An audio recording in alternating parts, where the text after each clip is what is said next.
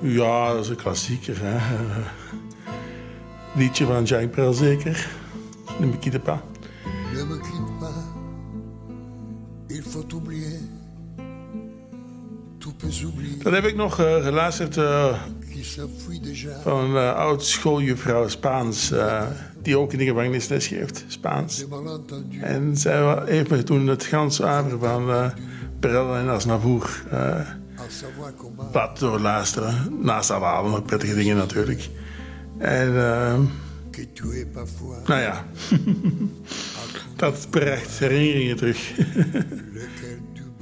Net zoals het grappig is in heel deze wereld hoe je bepaalde gezichten, bepaalde eh, karakteristieken, bepaalde mensen steeds maar terug, lijkt te zien. Dat is. En dan denk je, die achter voor me, die me. Dat is niet waar, want eh, overal waar je komt zie je ze.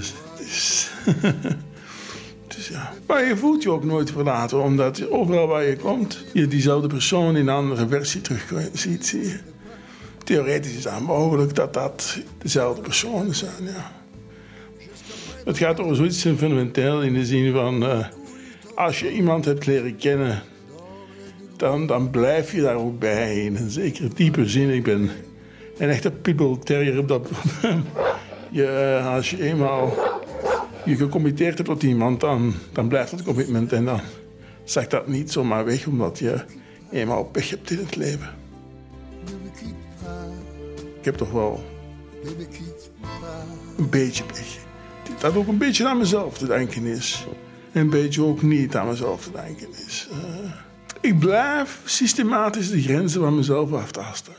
En in een zekere zin, maar zeer raar klinken, is deze opname, om het zo maar te zeggen, niet zo slecht geweest. Ik heb het laatste half jaar, eh, of het laatste jaar, eh, vier boeken geschreven. Totaal 300 bladzijden.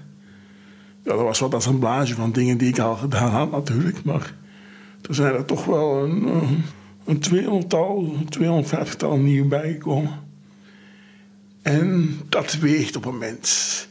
Zeker, ik heb dat gedaan in, in Spanje trouwens, in een lieflijk dorpje. Eh, op, de,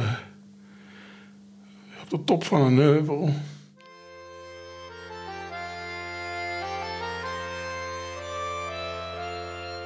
Lekker te voet naar beneden. Shock, shock tot aan de dijk. En lekker bieratje of een cervezatje, zoals ze dat eh, in, eh, in Spanje noemen. San Miguel doorgaans. Met een lekker broodje bij, met wat kaas en, en. En je bent vertrokken voor, voor de hele winter. Wel, het goede leven. Met de ene dochter, dokter die plakt er gewoon schizofrenie op. De andere die zegt gewoon, hij heeft dat een toelast van. Eh, schizoïden, zoals men dat dan noemt. Wel, de moderne wetenschap die zegt vlak af van... kijk, eh, nou ja... eh, al dat verbondenheid van geesten, dat is... allemaal pure onzin. Wij leven op onszelf en wij zijn zelfdraaiende machines. En we hebben ons eigen runtime-programmaatje. En af en toe eh, gebeurt er wel eens een keertje iets vies... dat we nu niet direct kunnen verklaren. Want dat, eh, dat doen we dan maar een boesje of een foutje... En dan drukken we maar op een rebootje en dan is het zo. En dan die Oosterse kwakkelingen, dat zijn dan de kwakzalvers, die, eh, die benaderen het helemaal anders. die zeggen zo, ja, we zijn eigenlijk allemaal verbonden. En dus daar dat ik ook, het, ook door een boers kwam of tot mezelf. Het mysterie wordt aan het zelf, zie je. Als je allemaal verbonden wordt, dan moet je jezelf trachten te vinden in de ganse massa.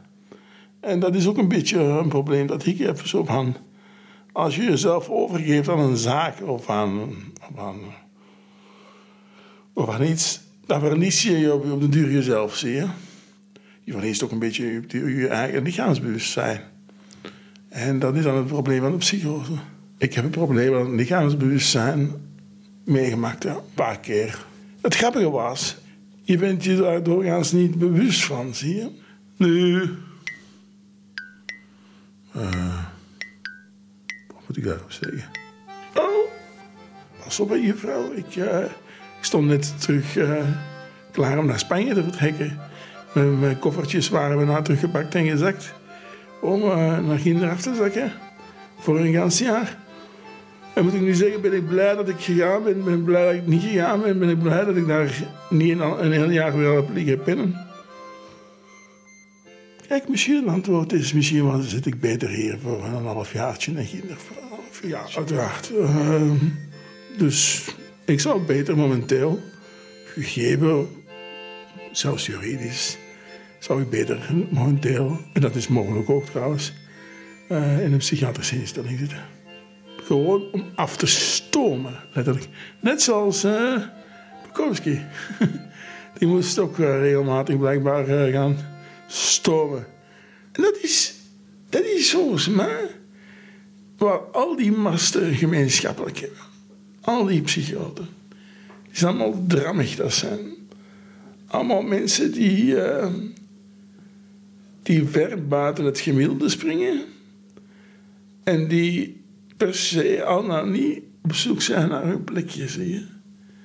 Dat is zoals je... Ik zit er niks mee in, dat is ook... Uh, dat is eigen aan de stempel, zie je. Ik, ik zeg nu, hoort u een hapje in mijn stem? Hoort u een zachte stem? Vraag dat nu. Wel, ik heb een beetje duizeling in mijn oren. Dus dat hebben jullie niet. Nee, maar jullie horen niet dat ik dat hoor. ja, ja, we horen alles anders. Hè. Vandaar het begrip psychose is een beetje moeilijk. Ligt een beetje moeilijk. Het gaat hem eigenlijk om perceptie. Om zelfperceptie. Om perceptie van de ander. En dat is voor mij hetgeen wat een psychose is. Ne me quitte pas. Hoor je dat? Of hoor ik dat alleen? Aunque tú me has echado en el abandono. Ne me quitte pas. Aunque ya hayas matado mis ilusiones. Y en vez de maldecirte con justo encono, en mis sueños te colmo. Sueños te colmo de bendiciones.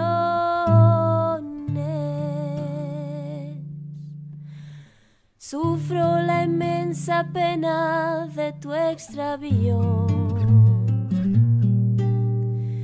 Siento el dolor profundo de tu partida.